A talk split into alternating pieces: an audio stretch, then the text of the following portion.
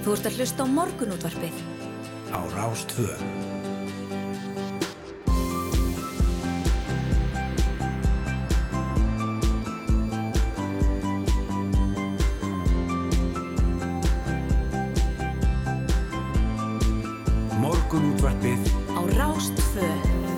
Góðan daginn, það er morgunúttarpi sem heilsar Rúna Róbertsson og Yngvar Þór Björnsson með þeirra vaktirinn til klukkan nýju þennan morgunin. Jú, jú, klukkuna vantar tímyndir í sjó við bjóðum upp á fjölbyrtan þátt í dagins og alla daga.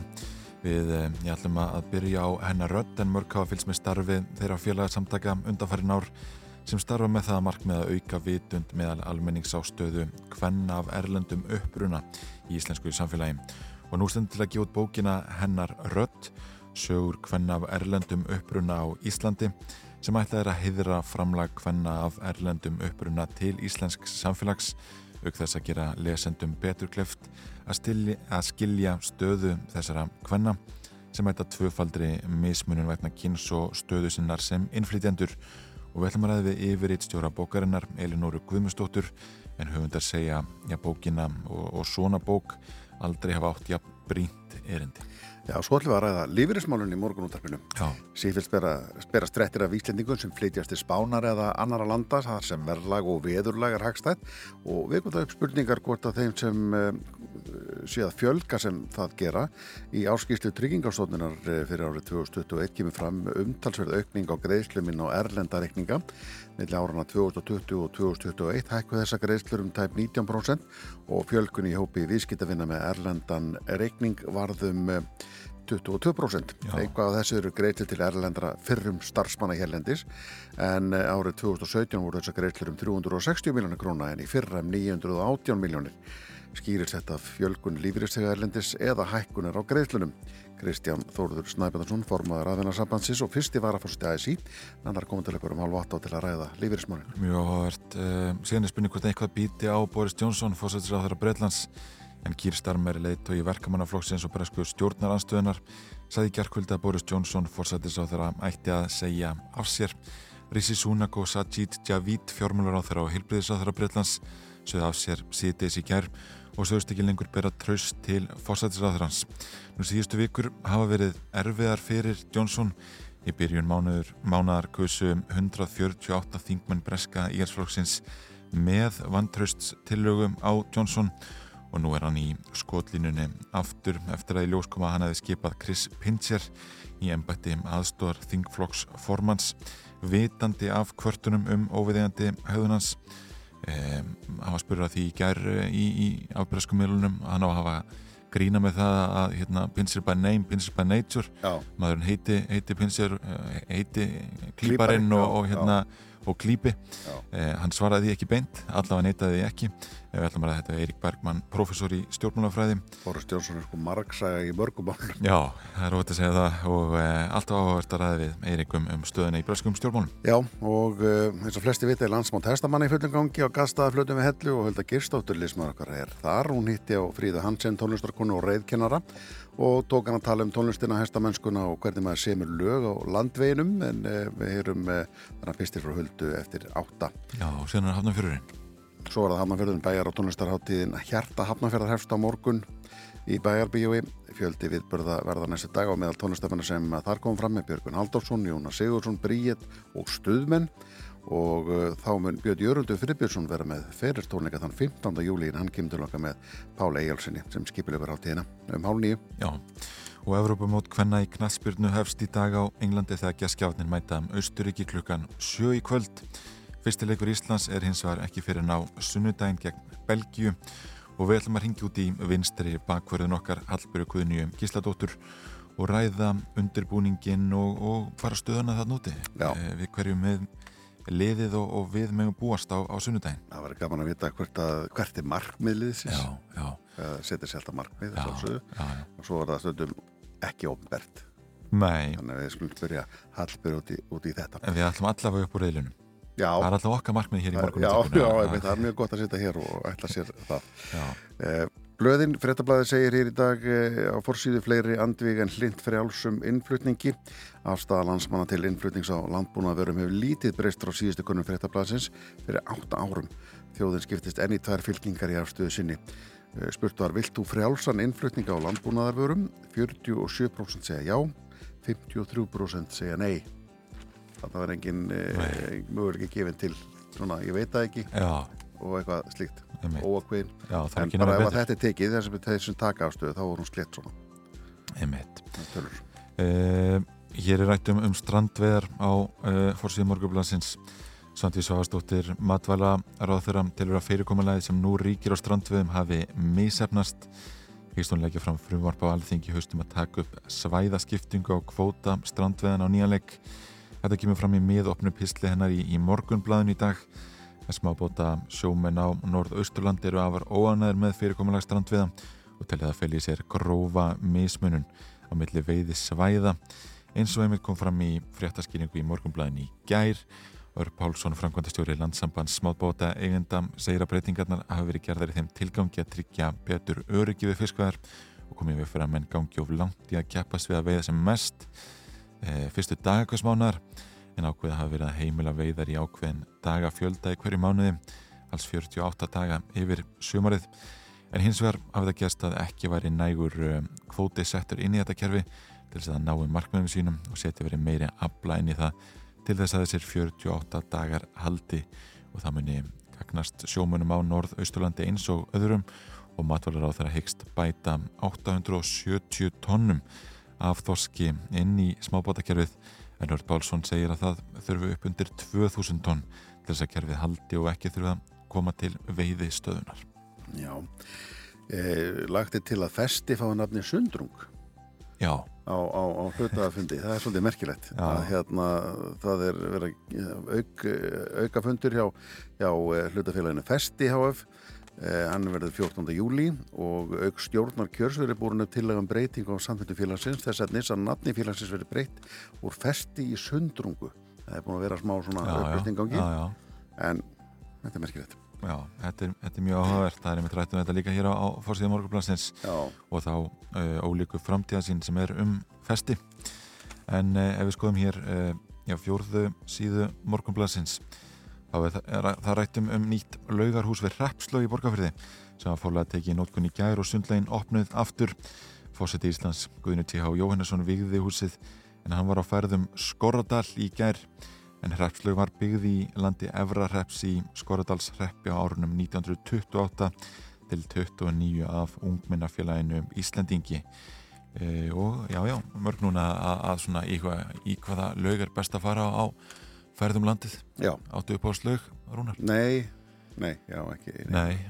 Ekki það. það eru einhvern veginn allar svo góðar Já, og, og ég brustu það, þetta er bara ekki einhvern veginn á ratanum, ég fyrir bara ekkert í sund. Nei, Þetta er bara einhvern veginn ekki komist í vana hjá mér, en, en ég veit af, af, uh, af uh, hversu frábært þetta er, já, já hins einmitt. vegar, en einhvern leita vegna þá bara hefur þetta ekki verið á Nei, ratanum. nei, nei, nei, þetta er einhvern veginn annarkvort eða ég reyna að fara svona nokkur sem við viku allavega Já. og mér þykir vænt um, suðubæðlaugina í Hafnarfjörunum Já, en uh, þar eru framkvæmdir í gangi núna og, og fastagisti þar þurfa að leita annað allavega Já. eins og komir og hvert fara með þá?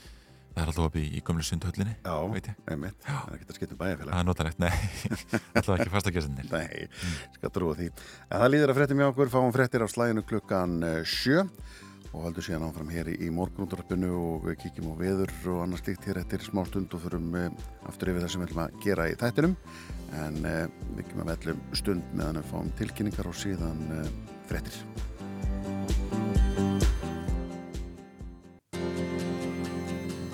Þú ert að hlusta á morgunútvarpið. á Rástvö.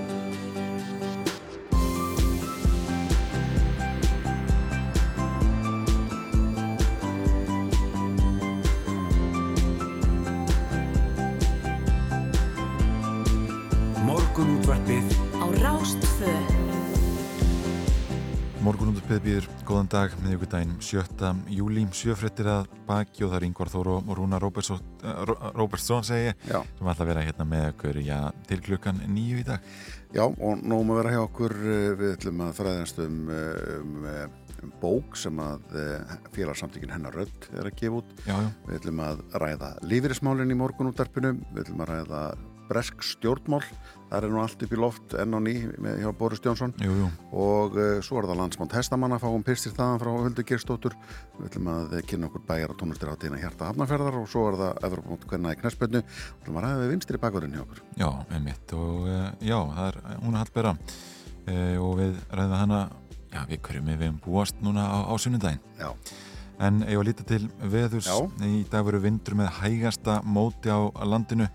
Það er nú glæsilegt að lesa Ves- þetta í fyrstu setningu. já, voðalegt vesin það að verða hægara móti, Hægara móti. Skýja nokkuð víða og smádrópar gætu stungið sér niður öðru hverju. Einhverju sólarkablar eru þó líklegir á norður og austurlandi og hitti 10 til 17 stig hlýjast fyrir norðan. Já, þetta er endar sko að eh, maður gleðst yfir því að, að vindu verði með hægasta móti þangað þanga til maður hugsa um lúsmíð Já, já. Er alveg, já, alveg, það er ekki gott. Það sé lokk fyrir, akkurat, sérstaklega þegar það er skýjað og, og smá drópar. Dróparnir getur nú fælt, fælt lúsmiði frá. Jú, jú. ég veit ekki. En sýtiðist nálgast læður suðvestri og sendur hún regnsvæði yfir landið í kvöld og nótt á samt suðaustan 8 til 13 metrum á sekundum en í fyrramáli verður umrætt lægð stödd við vestfyrði og á morgun verður því stífur vindur á landunum eða suðvestan og vestan strekkingur eða jafnvel all kvass og vætu samt á landun en þurfta mestu austalands og gæti hitti náð 20 stigum á austfjörðum. En ef við skoðum hérna kortið á, á VF viðstofunar, er hægu vindur og í dag ætti nú að vera bara, e, já bara sólskinn á, á svona norð-austanveru landinu. Já Við erum horfur á höfubarkarsvæðinu, tökum það sérstaklega fyrir hæg suðulega átt í dag skíjað mest og þurftagalla, gengur í suðustan 8 til 13 metrar á sekundu með rigningu í kvöld, hitti 11 til 15 stig, suðvestan eh, 10 til 15 í fyrramálið og væta öðru hverju, heldur hægari setningpartin á morgun og hitti 8 til 12 stig. Já, ég var að líta hér á, á veðgerðarinnar. Já, ég sé búið að loka uh, hluta af, af bústæðavegi hérna og bústæðabrunni og annað slíkt, hérna mætti hérna í morgun í vinnuna og voru Já, að, að loka annari akrinninni og ég veit ekki hvað það verða það báðar en, en það segir hérna reyndar að að, að, að, að sé mikla frangvandir í gangi náttúrulega hérna á veginni þannig að segir frá miklu frangvandum að verða Já. að malbygga og fræsa og, og græja að gera og við slum bara hafa þólum með hana með okkur í því því að uh, uh, götur hafa verið að koma og veir illa undan vetri Já, já, og það þarf að laga þetta já, já. það er bara hlis Það var rætt við e, fólk sem vinnur við þetta í kvöldfröttum um þetta í gær. Já, og skemmtilegt það. viðtal og, og eitt er að tala um þetta þeir þetta læra einhvers konar umferða sálfræði. Já, að læra að prófunu. við þessari gaggrinni fólks og öllu þessu skýtkasti sem þessi fylgir. Þetta er alveg að- stórmerkir þetta að byrja sig vetnar Já. yfir liðlegum gödum og svo þegar á lagar þá er fólk líka fyrir. Já, já. Höfum Já, enga já. þólimæði oft á tíðum. Nei, nei, nei, nei, nákvæmlega. En e, það er þetta að sjá þetta hér á, á VF vegagerðarinnar, hvað er verið að, að ráðast í, í framkvæmdir í dag? Ég var að mynda að, að leita þessu hérna, upp á, á hérna, bústæðvegi, Já, ég sé ekkit um það samt sko það er hérna neðralega á, á síðan Jú, neðra lengingu vinstri bera akrennan af Reykjanesböð við bústæðveg vegna framkvæmdan fyrir núverandi beigja reyn lokaða hluta. Já, já, það Kom virðist ekki að loka báðum akurinnum Nei, e, sem er ágætt. Það var alltaf að staði ströngu þegar við gerum báður þessa leið á leið til vinnu. Já. og uh, staði ströngu þannig í morgun við að, að uh, malbygga og gera þennan veg glæsilegan og nýja leik. Gera fínt, já já. Já, Þannig að uh, sé hérna í fréttablaðin dag ef við kannski kíkjum aftur aðeins á það er hérna það er verið að, að, hérna, að þessi útsýnspallur á, á, á Bólafjalli hann er að, að hérna, hann er á lokametrunum já, hann er 700 metra hæð og þú horfir beint niður vantarlega, þvernýft ég farið hann upp og og, og e, fyrir loftrata þetta er kannski ekki alveg málið já, já, já. En hérna, það regnir yfir þau fyrirspörnum um hvernig á að opna. En vegurinn upp fjallið er í eigu landhelgisgestunar, uh, fylgdi hérna raðsjástöðinni og uh, ég hef nú að segja það, að ég var nú bara loftur að fara sko nýður þann veg aftur. Minna mál fyrir upp, en keira niður, já, já. að maður fekk svona smá í malagút. Já, já, maður til gaman að þessu. að því einu að, ég heyra fréttir af þessu svæði þannig. já, já, 700 metra hæð, ég var um daginn í, í 203 metrónum Já, í sjónvásturðunum í Berlín já, já, á Allarsendiplats já, það var ekki þægilegt. Nei, en það er bara 700 ekki metrar, bætum 500 við það. Ég er ekki viss. Ha, Nei, nei, nei, nei. gaman að þessu. en fyrsta lag hjá okkur í dag á Emiliana Torini það er þetta hér, þetta er Big Jumps I walked all morning to lift my heart. World keeps dancing with the paper man. I love you, never talking dreams. The now is here, your happiness is real.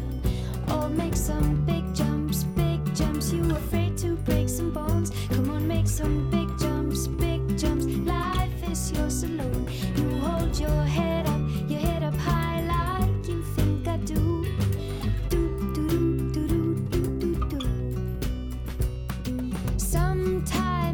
Sometimes I feel so confused. I'm under the illusion that I have to choose. I love you, always know the way. The way back home always is the same. Oh, make some big jumps, big jumps. You afraid to break some bones? Come on, make some big jumps, big jumps. Life is yours alone.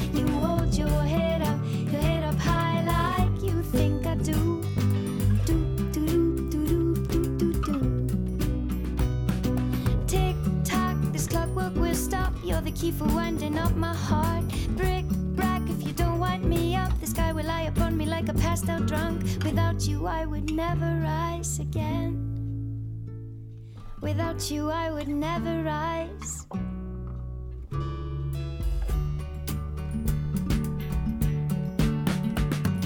Hey there, sunshine, lift my heart. I know life is long,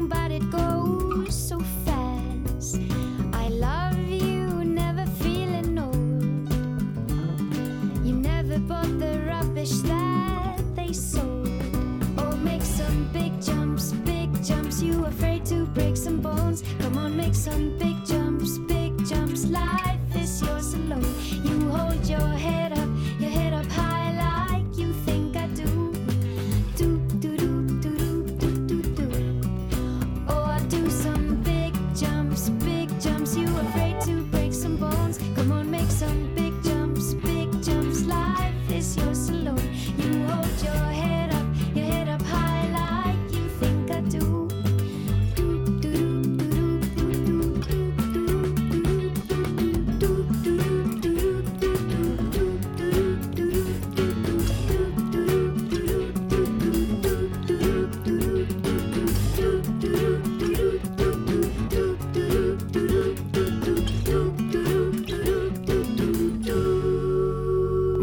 útvarpið á Rástvö.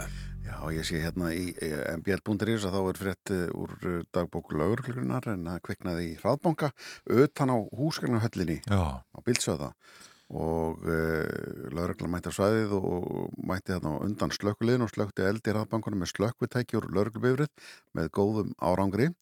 Uh, slökkulið kom síðan á vettvang með hýtamyndavel til að tryggja lauruglanar sint slökkustörum af kostgefni, segir hér. já, já, ég veit svo sem ekki hvernig kviknar í, í hraðbanka Nei, en þetta er svona ráftæki það er náttúrulega maður veit aldrei er eitthvað sem gefur sig kannski. Já, já, já, og Þessi betur fyrir ekki mörg dæmi um þetta Já, nei, maður hefur ekki heyrt mörg dæmum að kveiknir svona í hraðbengum sko. Nei, nei, En, en e, það sem vikur aðtikli mína hins vegar í þessu er að það tók þrjá tíma að reykræsta eftir eldin. já, Þannig að hérna, e, þetta er samt hraðbanki utan á húsinu en það hefur greinlega búið streikurinn líka. já, já, akkurat, akkurat Mm, og hérna ekki hefur að verið fallegur reykur því að það er náttúrulega mikið plast þarna í þessu. Já, já, svona einhver eitur eigur Já. að gera ráð fyrir Mætti segja mér. Eh, Það er nú líka rættum það hér á, á uh, síðu 6 í morgunblæðinum, einhvað sem kannski kemur okkur ekkert sérstaklega óvart. Það er það reyfingar vennjur uh, Íslendinga taka oft miklum breytingum á, á sumrin. Utanlandsferðir og sumarsólin eru meðal þessum dregur úr vilja og getu landsmanna til að mæta í heilsurækt. Þannig mæta 20 til 25% færri í stöðvar völklass í júli og ágúst ár hvert í samanbörði við aðra mánuði að sögn Björns Leifssonar, eiganda völklass. Ég fyrir ekkert að draga fólk inn ef það er gott veður og vantalega eru margir meira spennt fyrir fjallgöngu eða annar útivist, segir Björn hérna í, í samtala við morgunblæðið og bæti við að fólk sem æfi reglulega yfir árið mæti alla jafnan á sumrin en um leið og færri mæta í æfingarsal þá eikst aðsókn í sundlögar en áberandi fleiri mæta í þær stöðvar sem bjóð upp á sundlugar aðstöðu í samabyrju við aðverrar stöðvar og e, í ár býður Jólklas einmitt öllum e, fermingarbörnum mánaðakort í heilsurækt en e, já, svona þessi eiginlega gúrkutíð í heilsurættastöðum á sömurinn er þó ekki einn slæm og hún var áður fyrir, segir Ágústa Jónsson eigandi reyfingun og segir langt flesta nú kona með árs aðild að þessum stöðum og fólk mæti svona æfingar inn á milli þess sem það er að ferast Já, það er aðeinsverð ef maður hugsa út í, í, í hérna e, þegar það datt inn að bæði vinnuveitandi og verkanleysfélag viðkomandi, stjættarfélagið það borgar e, kannski áskortið já, já. til helminga þannig að starfsmæna þarf ekki að borga neitt. Nei, nei. þá kaupa menn áskort. Já og svo mæta það kannski ekki. Nei, nei Það er verið svolítið merkilegt og, og þá er svona eins og líkarsastastöðun sé bara áskrifandi af, af áskortunum á þess að þurfa að fyrir því að fólk mæti. Já, já. En, en ég veit ekki eitthvað stort hlutfall það er, það er sjálfsagt einhvað en, Nei, nei, það er allavega einhvað, hlutverk, hlutfalla á sumrin. Já, á sumrin, þegar fólk fer bara í frí. Já, já, já, já, bara eins og það er. En hérna bara fór allt velta sér fyrir mér allt í nú svona er þetta á, á köplum að það ekki nokkra sem eru svona Já, styrtar aðlar Styrtar aðlar líkans rektastöðar Já, já, akkurat. Þetta er allavega áhugavert og, og en vel skiljanlegt að fólk sé á, á farlagsfæti yfir þessa mánuði. Já, já, það, er mjög skiljanlegt. En eh, ætlum að þess að faraðast um, um bókjæritir smástundu ekki? Jú, einmitt, við ætlum að ræða við Elinóri Guðmustóttur, hún er yfirstjóri bókarinnar hennar Rödd sögur Kvenn af Erlendum uppruna á Íslandi sem ætlaði að ég heitir að framlega Kvenn af Erlendum uppruna til Íslensk samfélags. Já Hún verður hér á línni hjá okkur já, frá Danmörku eftir já, þetta lag. Já, Jussun Ondor og Nene Cherry, Seven Seconds. Bul ma seen, bul ma gis ma di reer, nga ni yow xamuma li nekk ci sama suuf ak si ginnaaw bëgguma ku ma xool dal di li nekk si yow si man ne si di.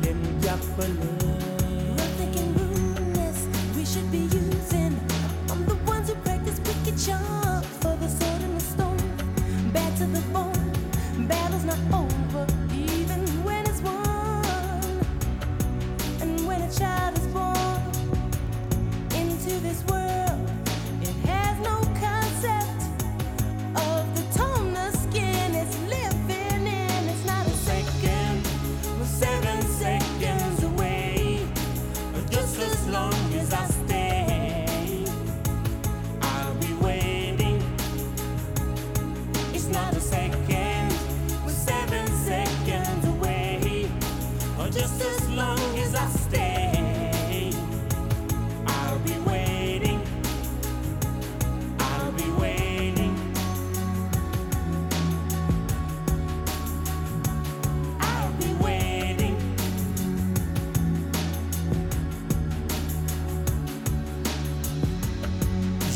Les raisons qui nous poussent de changer tout. J'aimerais qu'on oublie le couleur pour qu'ils espèrent. Beaucoup de sentiments, de race qu'il faut qu'ils désespèrent. Je veux les gamins ouverts, des amis pour parler de leur peine, de leur joie pour qu'ils le vivent. Des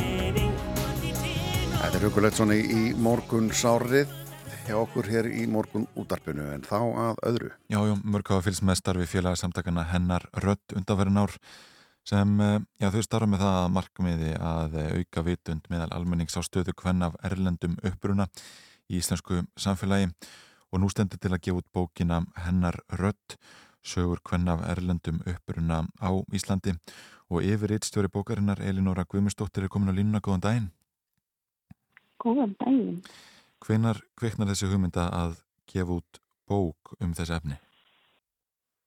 Ég held að um, hún hafi kveiknaði kringum 2019 en ég held að Sjanel hún hafi haft þessa hugmynd törfast lengi að því að mamma hennar eh, sem er konar velundum uppurinn að um, hafði langað að gefa út svona bók en aldrei fundið útgefanda eða ná mikið áhuga á þessum málum til, til að klára öskunni. Mm -hmm. Og þarna þessi samtök hafa náttúrulega verið að, að auka vitund meðal almennings á stöðu hvernig af erlendum uppbrunna og, og, og framlega þeirra til íslensk samfélags og, og í bókinni er að finna þeirra sögur. Já, við erum sem sé búin að báum almenninga að, tilnæmna konur að verðlendum uppbrunna sem hefur auðgat nærsamfélagi sitt að einhvern hátt og fengum ótrúlega mikið af tilnefningum og svo erum við búin að, að taka viðtöð við 36 konur og keirum Ísland og hitta konur sem búin að stöðum og, og erum búin að vera skrásett til það og, og segja frá því Mhm. í bókinni. Er ekkur, ekkur, ekkur svona þráður í gegnum alla sögurnar sem er sammeilur þegar þú tekur þetta svona saman? Um, sko það er svolítið erfitt að segja akkurat á þessum tímpunkti. Ég er svolítið oft spurðið þessari spurningar en ég held ég þurfi að, að, þurfi að spyrja leikslokum þegar við erum búin að lesa yfir allt í eina. Þetta er búið að vera langt ferðli, búið að taka þrjú ára að skásta þetta allt. Já. Þannig að það, það eru auðvitað einhver þemu en, en, en það mér veist í rauninni sem að vera það að hvað þessi hópur er gríðarlega fjölbreyttist og við tölum mann um, sem einn hóp. Já, já, einmitt. En, en gera heldur að, að fólk sko, já því að nefnta í, í viðtölum að, að, að bók sem þessi hafi raun aldrei átt jafn brínt erindi og nú, uh, hvað eigið við með því?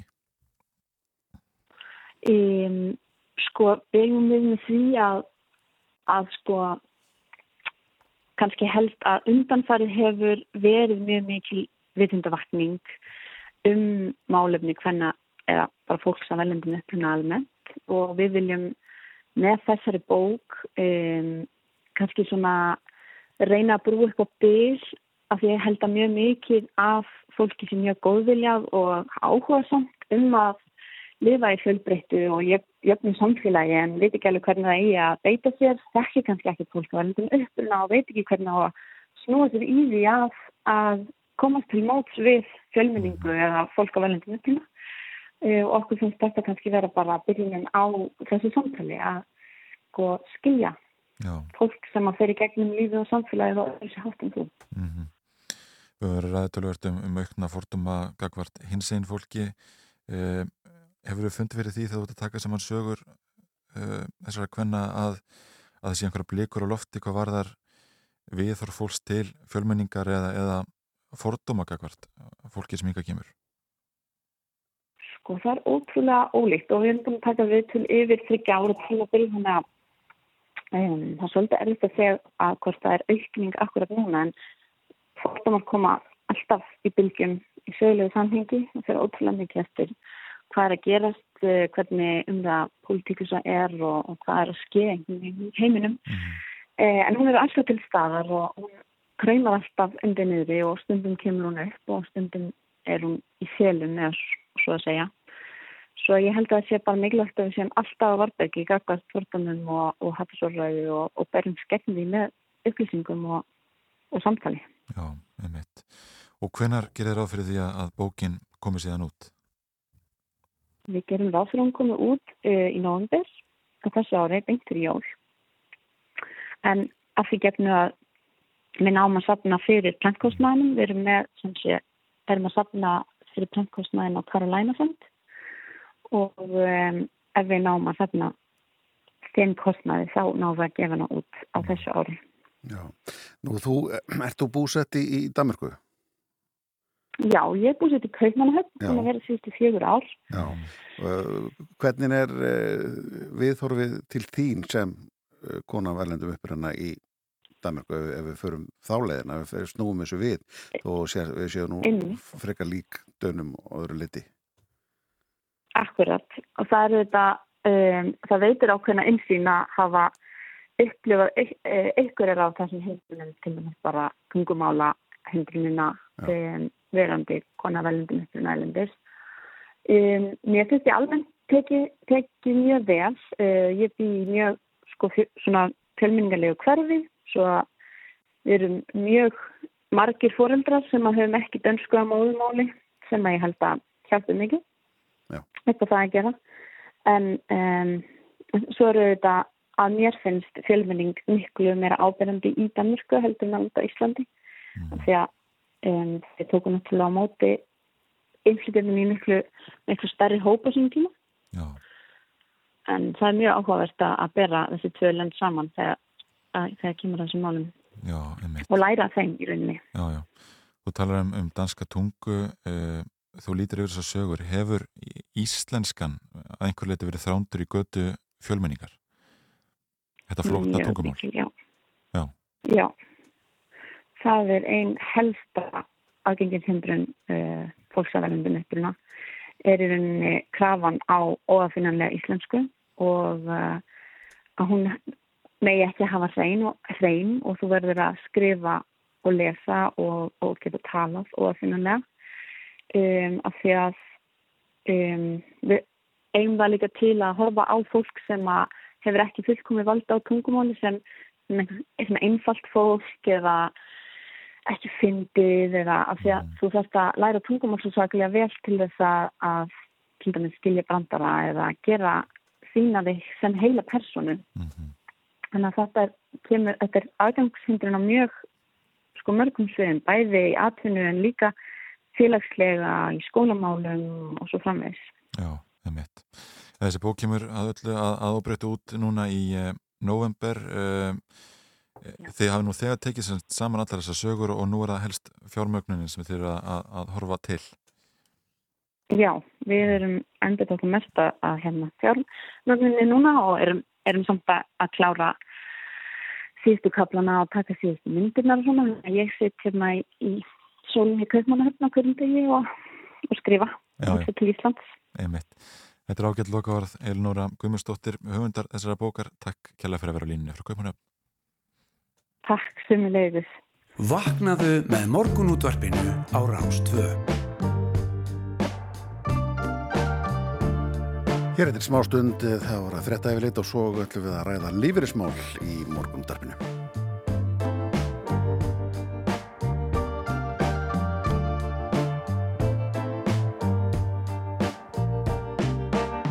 Take your time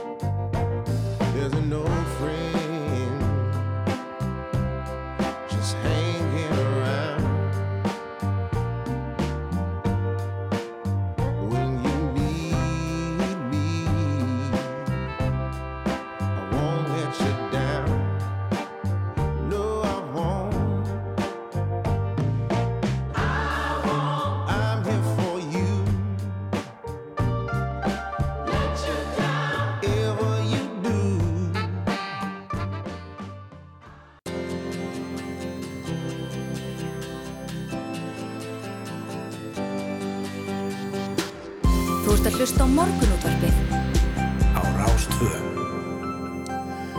Já, hér á eftir í morgundarpinu ætlum við aðeins að skoða stöðuna í breskum stjórnmálum. Þar logar allt afnan að milli í, í Ríkisjóð Boris Johnson, svona enn einu sinni. Já, já, Eiríkur Bergmann, professor í stjórnmálafræði ætlar að koma og ræða þessi mál og, og mál Chris Pinchers sem, eh, já, er svona orsök þess að, að eh, Boris Johnson er aftur í skollinu núna. Já, ráð þeirra har sagt upp, upp hjá honum úr, úr stjórninni.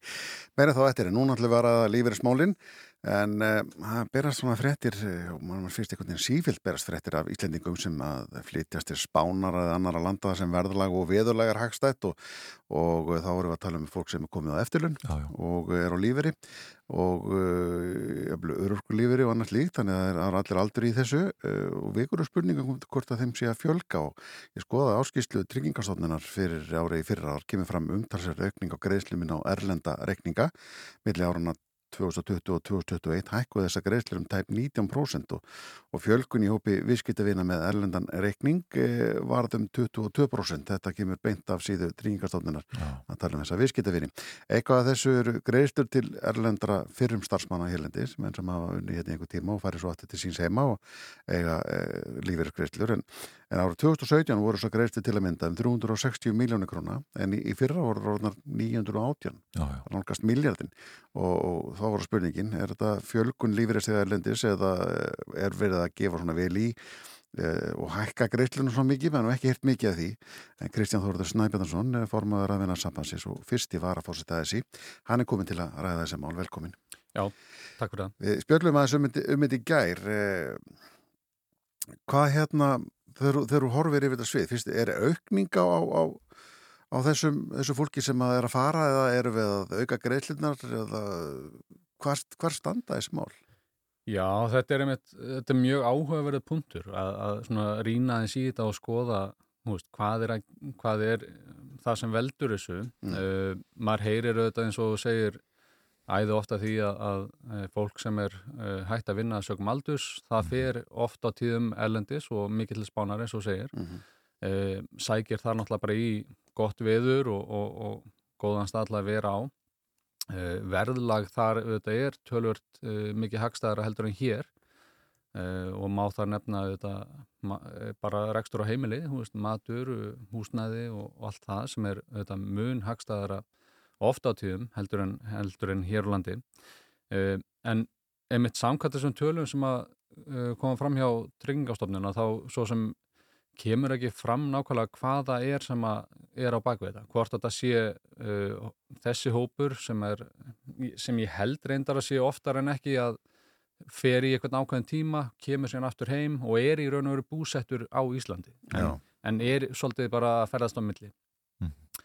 Uh, en hinn hópurinn gæti verið stærri, myndi ég telja að sá- hópur sem hefur komið til starfa í hérlandi, flutt til Íslands, starfað mögulegum árabil eða, eða já, af ellendum uppruna, fólk sem er af ellendum uppruna og kemur til starfa hingað, að það sé hópur sem að sé líka að telja svolítið þingra þarna Já. að því að maður sér í tölunum að, að aukningin hefur verið stígandi uh, síðustu ár í þessum tölum hjá, hjá Tryggingastofnun. Og, og, hérna, og það gæti alveg verið svolítið í takt við það sem að þá þróun sem hefur verið í gangi á undanfjörðum árum að allend starfsfólk kemur meira til Íslands og, og vinnur þau störf sem eru, eru laus, sem eru þetta bara mjög gott fyrir Íslands samfélag. En, en þetta fólk kannski uh, leitar þá líka út aftur þegar, þegar starfsæfinni líkur Já. Já. Einmitt. En eins og við nefnum hérna aðan þá, þá er fólk að heyrum á svo mikið af Íslendingur sem eru Já. að flytja allir spánar sem einfallega einhvern veginn bara næri ekki endum saman. Mm. Fáið þið margar þannig sögur til ykkar að fólk sé bara neyðisla úr landi? maður færu þetta margar sögur þar sem að fólk uh, já, mög, já, já og mögulega neyðist til þess að komast í hagstæðara umhverfi. Um, en oft er þetta líka jú, jú, það er að, veist, að sækja í það sem er hagstæðara.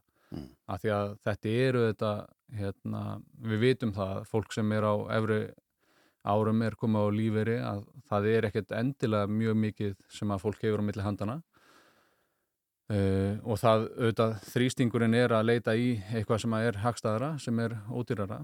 En, en á sama tíma auðvitað er það þannig að fólk er ekkert endilega búið að losa sig við húsnæði hérna heima. Þannig að það hefur áfram skuldbindningar hér heima til viðbótar. Þannig að en, en þeir sem að kannski flytja alfarið, þeir auðvitað eru sáhópur sem er að leita í, í hagstæðar umhverfi hvað það varðar, Já, að losna undan skuldbindingum hér og, og fara í húsnæði, fara í bara miklu hagstæðari rekstur á heimili þar ytra. Já, mann finnst samt sko eins og það sem er gert frekar neyð heldur en að svona, já, ég ætla bara að leta mig lífið, því að það er nú ekki smá uh, átak fyrir fólk sem að talar ekki í tungumálið Mm. að, að rífa sem er rótum og flytja til hans lands Mhm. bara til þess að, að því að lífurinn er sem að er grunnurinn hans öllu saman, lífurinn er úr lár Mm Já, já, og ég meina þetta er, þetta er rosalegt yngripp að fara að flytja búferðlum ellendis, Mm. það, er, það er alveg klárt mál og ég held að þarna sé mitt það atriði sem við þurfum að horfa svolítið í, það er hver er lífurinn, hvað, hvað hefur fólk á milli handana þegar það endar starfsæfina og fyrir að hefja töku allir lífuris. Það auðvitað sá lífurir þarf að, að standa undir þeim ekstra kostnaði sem að e, er til staðar hér Mhm. og það er auðvitað það sem við þurfum að, að hérna, taka höndum saman og tryggja að sé nógu hár. Mm. Það er þínum að þetta ráðast í einhverja breytingar hvað þetta varar.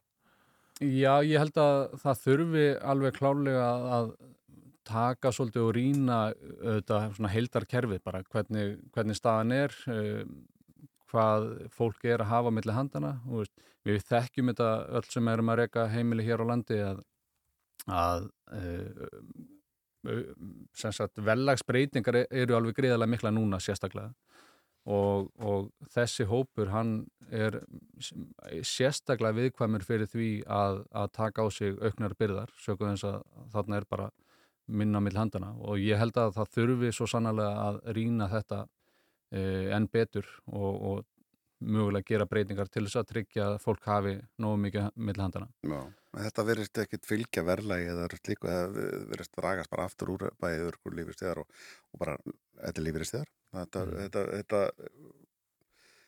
og, og, og mann finnst einhvern veginn eins og þeir sem að, að hérna, hafa með þetta að gera þetta er bara svona, eftir auðslum bara, þetta er bara svona. Já, akkurat og ég menna það er alveg rétt uh, ef við horfum á þróun uh, örorkulífuris eða ellilífuris að þá hefur hann ekki verið að fylgja í raun og veru því sem að hefur verið að gerast hér á landi. Mhm.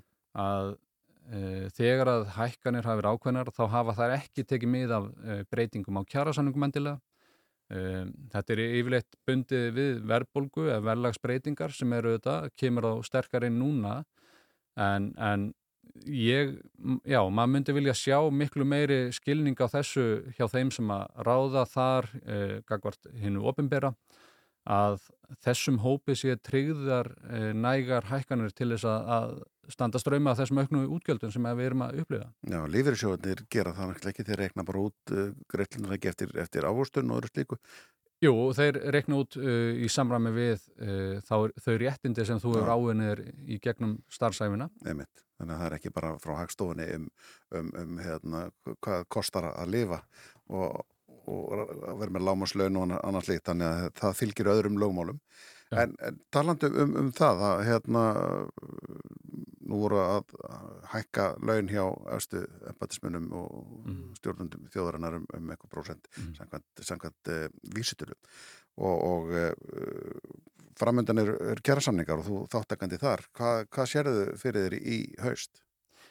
Já, haustið þetta er framundan, uh, samningar, það eru mikill fjöldi kjærasamningar sem að losna hjá okkur núna í, bara í november og það er ljóst að, að hérna, við munum þurfa að sækja verulega fram til þess að tryggja stöðu okkar félaga, sögum þess að auðvitað, eins og ég segi, verðlagsbreytingar hafa verið miklar, uh, vaksta breytingar eru að tekka inn núna af fullum þunga þannig að útgjöld félaga okkar er að aukast verulega.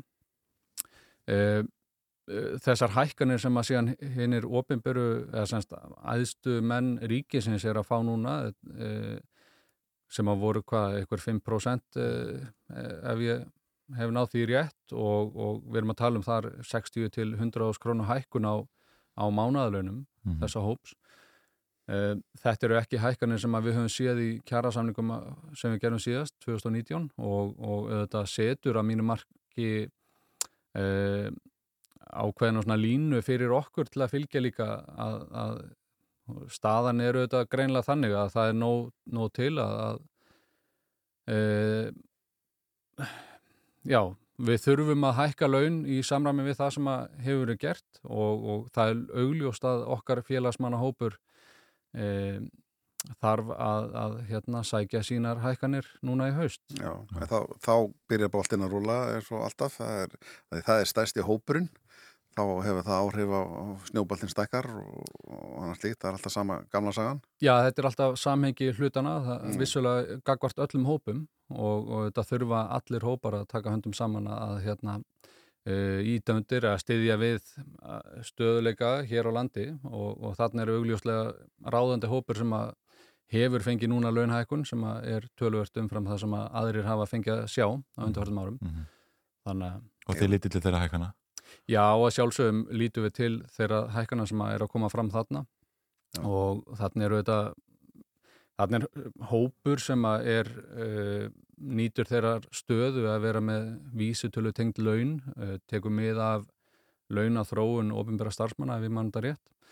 Og þetta eru náttúrulega bara eitthvað sem að hérna auðvitað, mjög margir myndi vilja sjá hjá sér að það sé e, tenging á launahækkunum við það sem eitthvað, við ykkur að þróun á markaði. Já, hvað, hvað mun gerast ef að við öll förum bara á vísitur tengd, tengd laun? Hva, hva, hvernig verður efnaður þá? Er þetta bara stöðut, hækkan og hækkan og hækkan? Já, það auðvitað er spurning, veist, við hvað er. Hú veist, það er auðvitað skiptir mjög miklu máli við hvaða vísutölu er verið að miða við þegar er verið að hækka, hækka laun.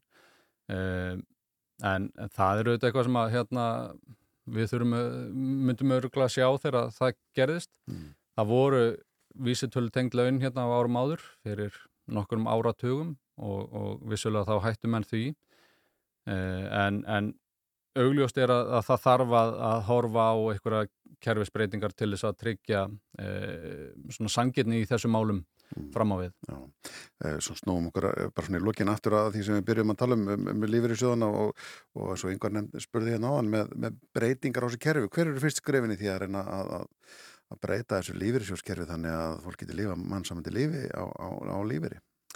Sko ég held að séu það eru auðvitað nokkur atriði sem að þarf að horfa til. Um, ég held að svona ef, að, ef við horfum á heildarmyndina, uh, bara stöðu lífeyris kerfisins okkar í, í svona stóru myndina þar, að þá held ég að við séum með tildulega gott lífeyris kerfi.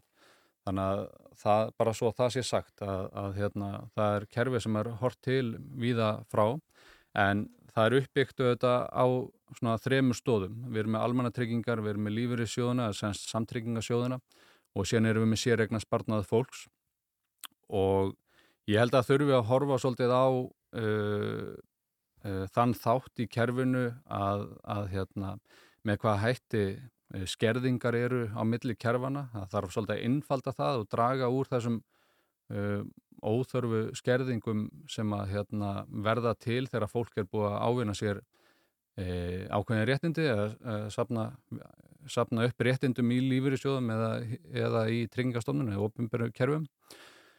Og það þarf auðvitað að, að hérna, já, að tryggja það að þeir sem eru í lagsta endanum að þeir njóti þess sem að þeir þurfa að fá til þess að draga e, fram lífið og hafa nógu milli handana.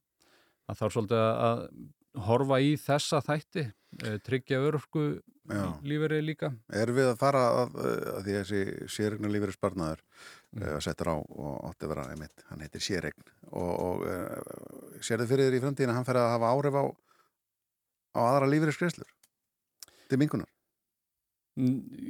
Ég sé það ekki fyrir mér að það muni gerast en, en það er auðvitað eitthvað sem að þurfum að standa vörðum að, að muni ekki gerast. Mhm. Það er alveg greiðarlega mikilvægt að, að þetta sé spartnaður sem að fólk hafi og geti gengið í. Já. Já, takk fyrir að koma til okkar Kristján Þórður Snæbjörnarsson, formaður rafinasambandsins og fyrst ég var að fórseta aðeins í aðeins að fara svona yfir þetta svið með okkur uh, dróðu hérna eldsnemma úr sumafríi, takk hérlega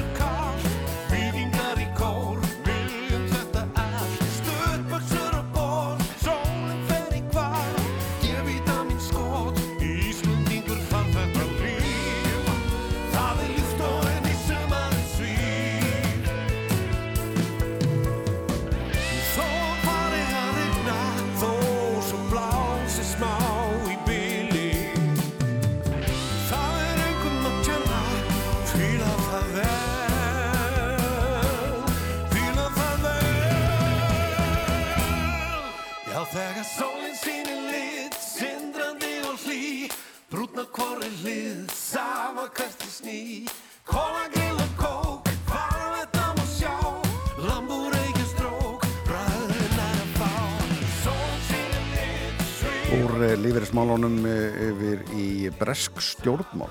Að eh, aðeins að kíkja til Bretlands. Nú var allt logalega stafnan á milli í bresku ríkistjóndinni.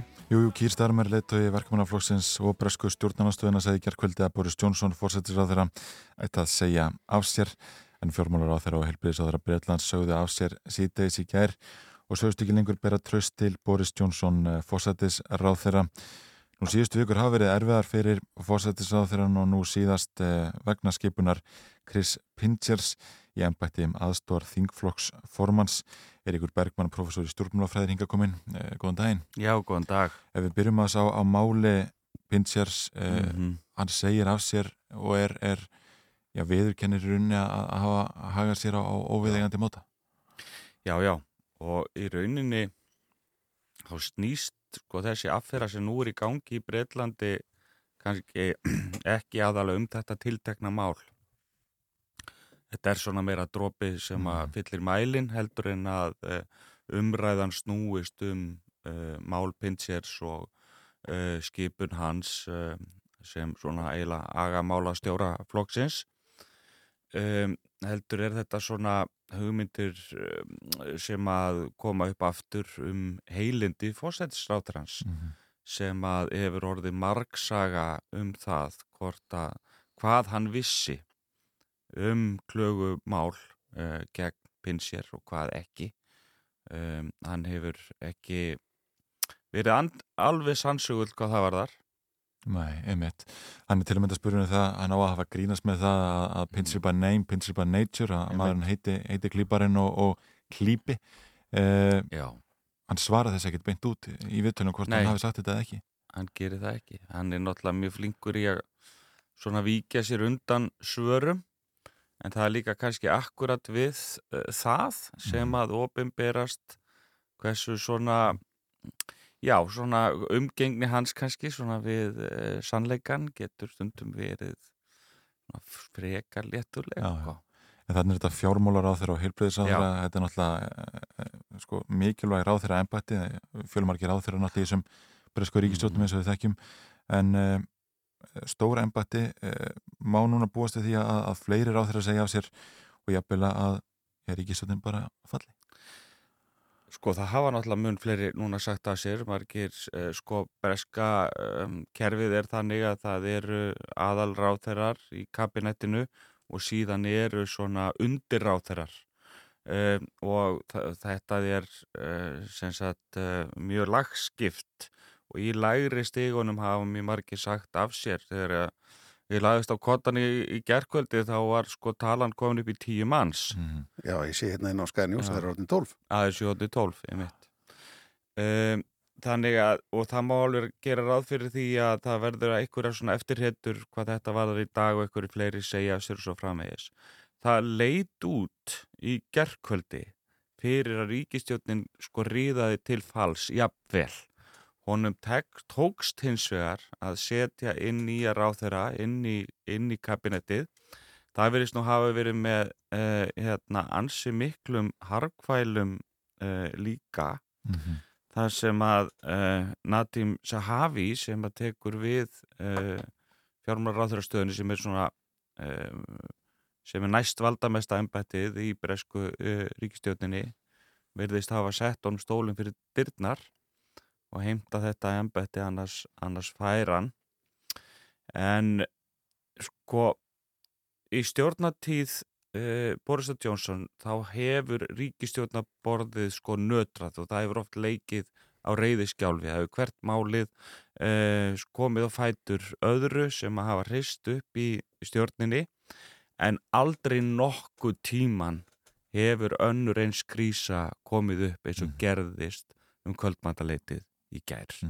Og þetta er uh, sko atburður og atburðarrás sem að fóra á staði gær sem er þess eðlis að maður sér bara ekki hvernig fórsættisráð þeirra Bretlands mun koma lifandi í gegnum hana. Alltaf þótt að hann sé nú töframadurinn í breskum stjórnmálum þá bara uh, lítur þetta út tilfinningin í kringum þetta mál all, öll umgjörðin, öll atbyrðarásin er bara endutekning á seinustu dögum Margareta Thatcher.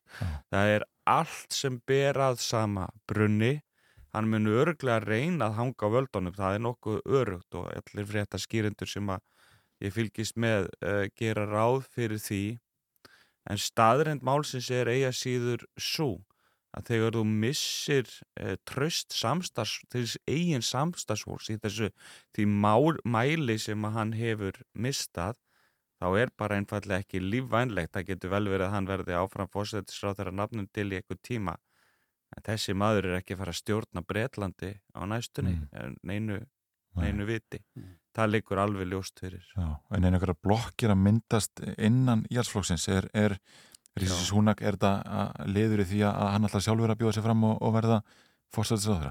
Já, bæðir Ritchie og Javid, þeir, hérna, Javid, þeir eru báðir að stilla sér upp sem uh, áskorandum uh, og hugsalegum uh, frambjöðundum um, til formasi í, í allsfloknum. Þeir eru báðir svona, mér að segja, svona hægri sinnaður í efnagsmálum heldur en fórsættisráðurann er. Þeir hafa talað fyrir meira aðhaldi í ríkisfjármálum og sakað svona undir rós að einhverju leiti e, Boris Jónsson um að vera eðslusamur fórsættisráðara, mm -hmm. að hann sé út, útgjaldasamur og það eru sagt núna mál uppi akkurat núna e, þar sem að ríkistjóðin þarf að tilkynna um fjárframlög bara núna í næstu viku og þar hef, haf, hafa verið átök þannig að það er svona það er svona smávægilegur hugmyndafræðilegur ágreiningur hérna líka en þeir eru báðir alveg klárlega að stilla sér upp í hérna e, þeir eru að gera sig, þeir eru að reyma á sér skóna fyrir keppni sem að þeir, þeir telja að, að, að fara á stað og staðan er líka svo að þeir sem að munu standa með uh, Boris Jansson uh, fallega núna á næstunni þeir munu líka falla með honum Já. og þannig að, að einhverju leiti er þetta auðvitað Uh, má draga hinn hin, sko gammal góða samanburðum um sko hefði sökkvandi skip og róttunar sko. Já. það má alveg það má alveg hérna sækja í þá samlingingu aftur. Já, við komumst því ekki því miður ekki lengra með þetta spjall Eirikur Bergman, professor í stjórnmálafræði. Við fylgjum með fyrirspurnatímanum á, á Breska þinginu núna sem hefst klukkan, já, 11 vantilega eh, en við fyrum að, að fá áttafrættir rúnar Já, það liður að andafrettum og uh, hér á eftir að uh, þá ætlum við að uh, fá pistil frá Huldu Geistóttur, okkar konu, hún er á gastaðflutum við Hellu og er á landsmáti hestamanna þar, í, þar það, það mótur í fullin gangi, fáum pistil frá henni á eftir, við ætlum að fara þess þessum bæjar og tónlistarháttina Hjarta Hafnafjörðar og svo ringi við til Englands. Já, já, og en þá er það fókbaltinn, við ætlum að tala við vinstri bakverðin í íslenska landsliðinu. Jú, jú, Hallberga Guðni Gísladóttir verður á línunni og ræðir undirbúning og, og fyrsta leik liðsins gegn Belgium á sunnudaginn. Já, en frettir framöndan hjá okkur. Þú ert að hlusta á morgunútvarpið á Rástvö.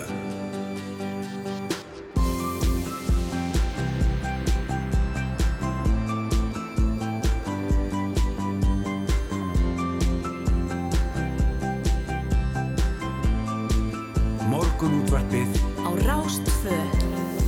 Það höldum áfram hér í morgunútarpinu Yngvar Þór og Rúna Robertsson með til klukkan nýju.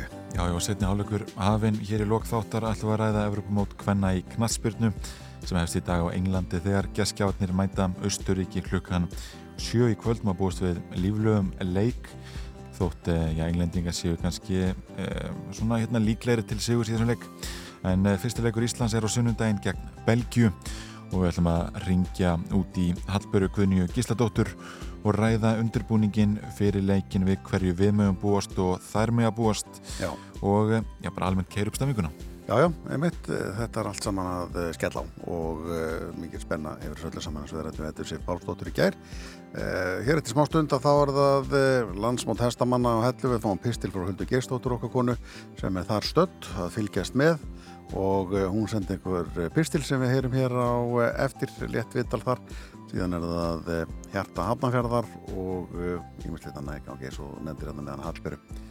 Já, já. Já, já, en ég kannski þú bara yfir þetta allt saman aftur. Það er bara, Það er bara ágætt Já, já. að minna vel á það hvað ætlum að gera. Ég var nefnilega að lesa hérna á síðu rúf þegar þú varst að tala um þetta og aðeins datt út við ekki það. Já, já, hundar reyðust á yfir 1600 breska brefbera í fyrra. já, Svo góðsök lifir, góðu lífi í Brellandi hundar er ósáttu við brefbera. já, já, akkurat. Það er nú að frétta í Brellandi bara, einhvern veginn þess að dana. Það er, það er Evropamót, það er uh, stjórnarkrísa og hundarnir, þeir hérna, þeir Já, já. verða enga virðingu fyrir breyfverðunum. Nei, þetta er bara svona, svona þetta. Erum við heldur geistóttur hér eftir eh, smá stund. Þetta eru Model, eitt gammalt og gott frá AT sem það sagtir. Nýjenda áratökurinn. Lífið er lag.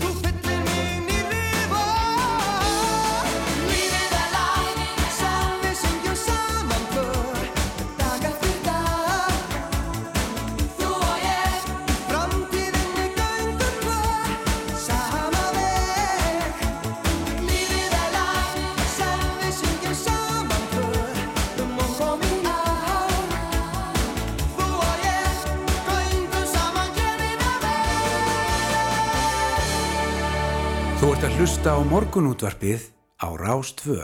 Já, það eru margir sem koma við hér á landsmóti hestamanna og ég hitti hérna fyrir hana Fríðu Hansen sem að hlustendur töðu þekkja nú svolítið til en það heyrum við hana stundum syngja á öldum ljósvakans, hún hefur gefið út eh, lög eh, sem að hafa verið í spilun hjá okkur og, og jólalag meðal annan sem hafa vakti lukku og svona ímislegt fleira en eh, Fríða er ekki bara söngkona vegna þess að hún er líka mikil hestakona.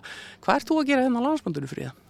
Ég er nú kannski aðalega til þess að sína mig og sjá aðra en svo er ég að hjálpa nokkrum nemyndum sem ég er búin að vera uh, svo heppin að fá að fylgja núna í vettur og svo fram inn í sömarið. Hvernig fer þetta saman að- vera tónlistakona og reyðkennari? Þetta er bara rosa gaman. Ég held að tónlistinu og hestamennskan fari rosa vel saman. Þetta er náttúrulega taktur og, taktur og tónar í, í báðum greinum og allavega er minn helsti innblöstu það er þessi náttúra sem maður nýtir svo mikið á hestbæki. Þú ert uppalinn hérna í, í, í sveitinni, ekki hérna langt frá hellu. Uh, hvernig var að alast upp undir heklurótum? Það var bara rosa gaman. Fjölskylda mín reynda fór svolítið illa út úr Suðurlandskjaldunum 2000 og ég held að það hefði fyllt mér svolítið inn í kannski júlingsárin. Svona aðeins kveikt þegar, þegar jörðin hristist og skalf en það, það tröflum ekki lengur. Það er allan ekki tröflaði það mikið að þú hefði flutt í burtu því að þú ert ennþá að leiru bakka í landsveit. Já og vil helst ekki fara þar. Þannig að það er bara gaman, gaman að því sko. Þú ert komið með þína eigin fjölskyldu og, og uh, sest að í, sveitinni. Já, enn sem komið er allavega. En þú hefur líka verið á ferð og flugi, eh, þú, þú vinnur líka stundum í útlöndum. Já, ég er sem sagt reyðkennari og það er svo gaman að vera reyðkennari þá hittir maður fólk allstaðar að og ég á vinni og, vinni og kunningja í Evrópu og Bandaríkjunum þannig að ég er svona fæ að ferðast út um allt það er mjög skemmtilegt skemmtilegt fólk allstaðar og góður hestar Þegar að, að, að þú ákveður að leggja þetta fyrir því að, að verða atvinnumæður í hestamennsku, hvar stóðstu í tónlistinni þá? Hefur alltaf getað látið þetta fylgjast að eða hefur þurft að velja að hafna? Þetta er svona svolítið trikki spurning. Fyrir, fyrir, ég fór náttúrulega á hóla í Hjaltadal, var þar í þrjú ár. Og þá kannski sett ég tónlistina alveg á hóld í þessi þrjú ár. En svo þegar ég útskrifaðist þessast á hólum þá einlega einsett ég með það að ég ætla að vinna 50-50 við hestamennsku og tónlist. Og fyrir tveimur hún síðan þá áttaði maður því að ég væri nú bara að því. Þannig að það hefur nú ekki gengið illa ekki séðan ég ákvaði þetta sko. En þú laði líka uh, stund á tónlistanám Já, hann passar kláraði sérst, þetta miðpróf í rytmiskum söng og er svolítið flink á píano líka. Og hann að kannski ger ég eitthvað meira því? En þú ert ekki bara að syngja annara manna lög því að þú ert líka að gera þín eigin tónlist. Já, það passar. Mér finnst rosa gaman að semja tónlist og ég er svona alltaf að prófa mig, prófa mig áfram meira og meira í því. Og hef svona fengið líka góða aðstof frá flottu tónlistafólki í bransanum. Núna upp á síkast að við erum að vinna mikið með Vignisnæ í Írafár sem er bara ríkilega skemmtilegt en það er svona, það er miklu skemmtilega að koma fram og syngja sín eigin lög, finnst mér, akkurat núna allavega. Og færðu innblástur í tónlistinni úr hestamennskunni eða, eða sveitinni þinni? Já, alveg klálega úr sveitinu minni. Ég er, það eru nú sömur sem segja að Leirubakki séu svolítið langt í burtu en mér finnst það ekki ókostur. Ég hugsaði öll lögin sem ég samið hafa fæðst á landveginum, sérst á leiðin heim eða leiðin í burtu. Þannig að ég veit ekki hvað annar stað ég myndi gera það ef, ef ekki á veginum.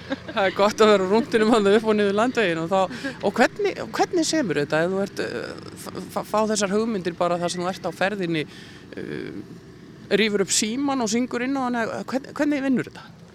Já, ef ekki að segja opinbera skýringin segja að ég stöð út í vegandi og tek upp síman og íti á, á rekk.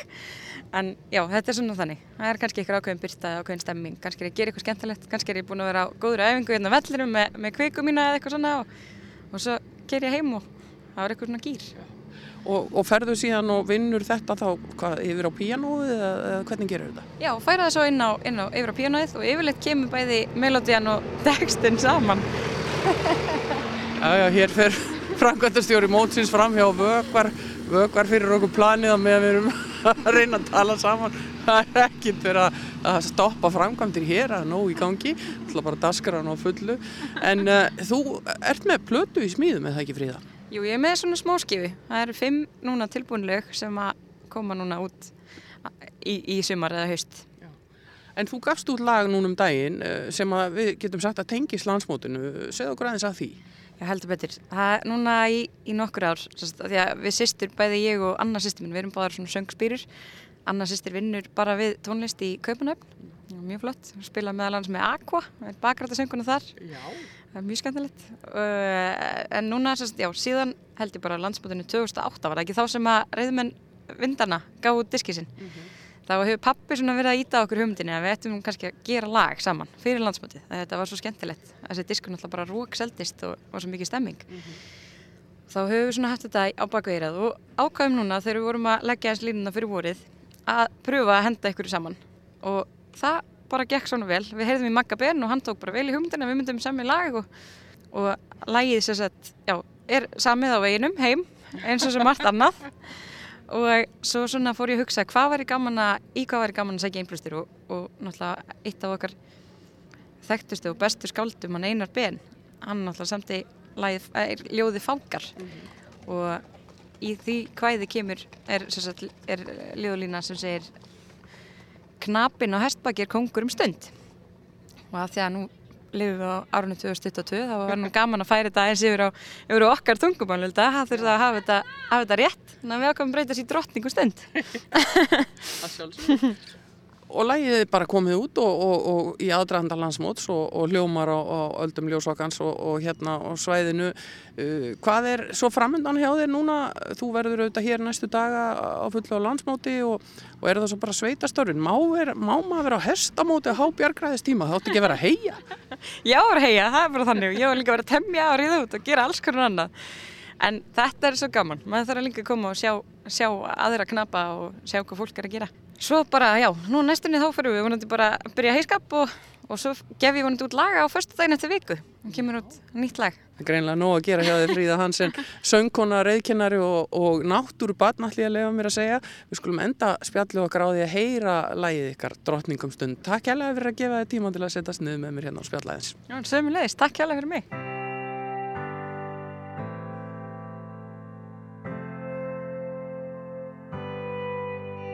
Mér dreymir um samveru stund, eiga góðan vinafund.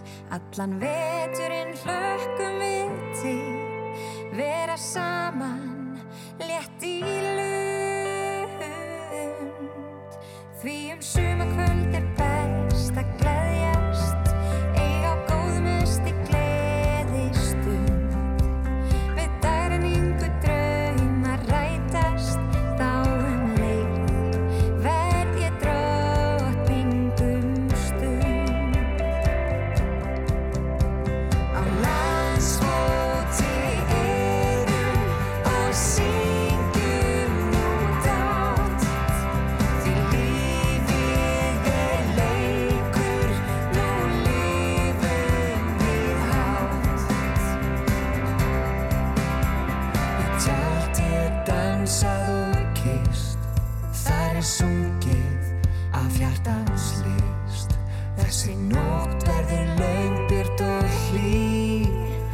style.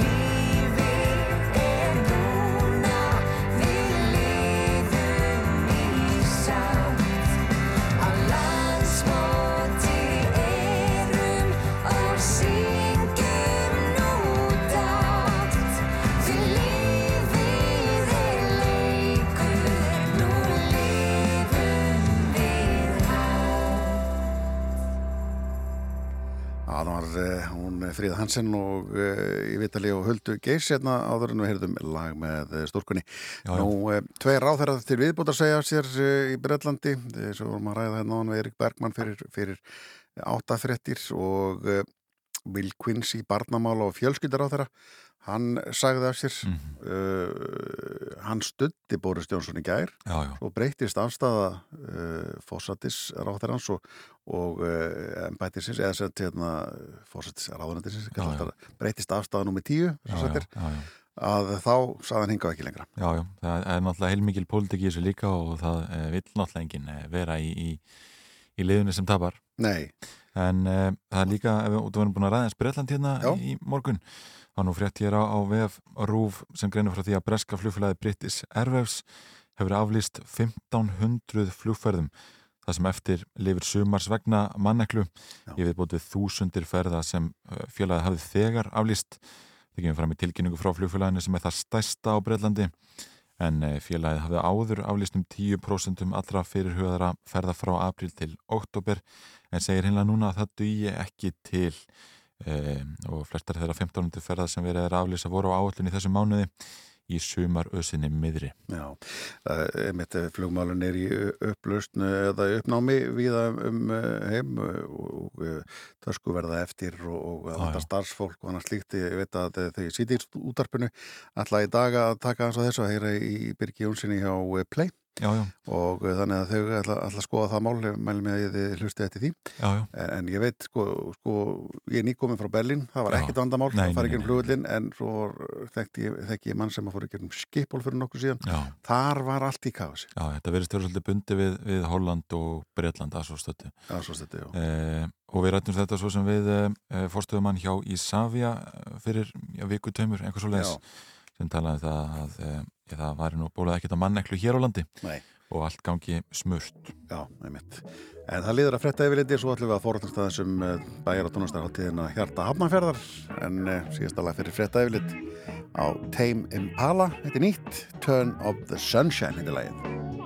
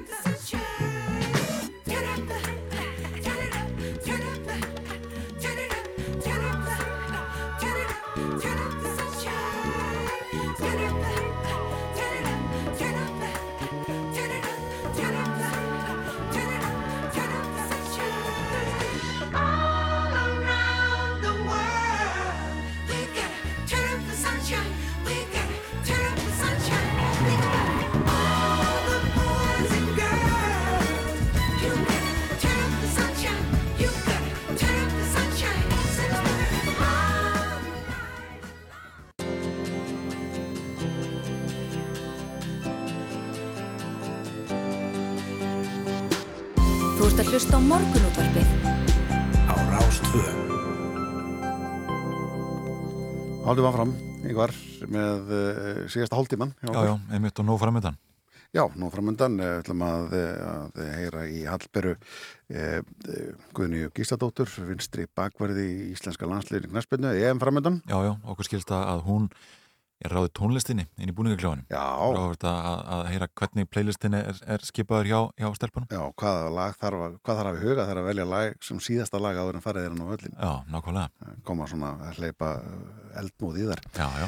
Já, svo er það bæjar og tónlistaráttíðin í hjarta, eða sem hjarta hafnafjörðar. Eh, Hún hefst á, á morgun og eh, við erum búin að fá tvo góða gesti, Páll Ejálsson sem er skipilegita þessu og Björn Jörgur Friðbjörnsson við hann velkomin Hvað hérna sjönda árið, Palli, sem að þú uh, stendur á þessari háti, hjarta hafnafjörðar? ekki Já, rétt? jú, þetta er sjönda árið. Já, og alltaf að staka? Eða- Já, núna sem sagt þetta að við byrjuðum í 12 fermetra tjaldi í portinu Já. uh, fyrsta árið Já. og það voru, þá voru við með fernatónleika uh, í ár eru við eiginlega með sumarhjarta í 11 vikur Já. en þetta eiginlega hjarta hafnafjörðar hefst núna sjönda á Já.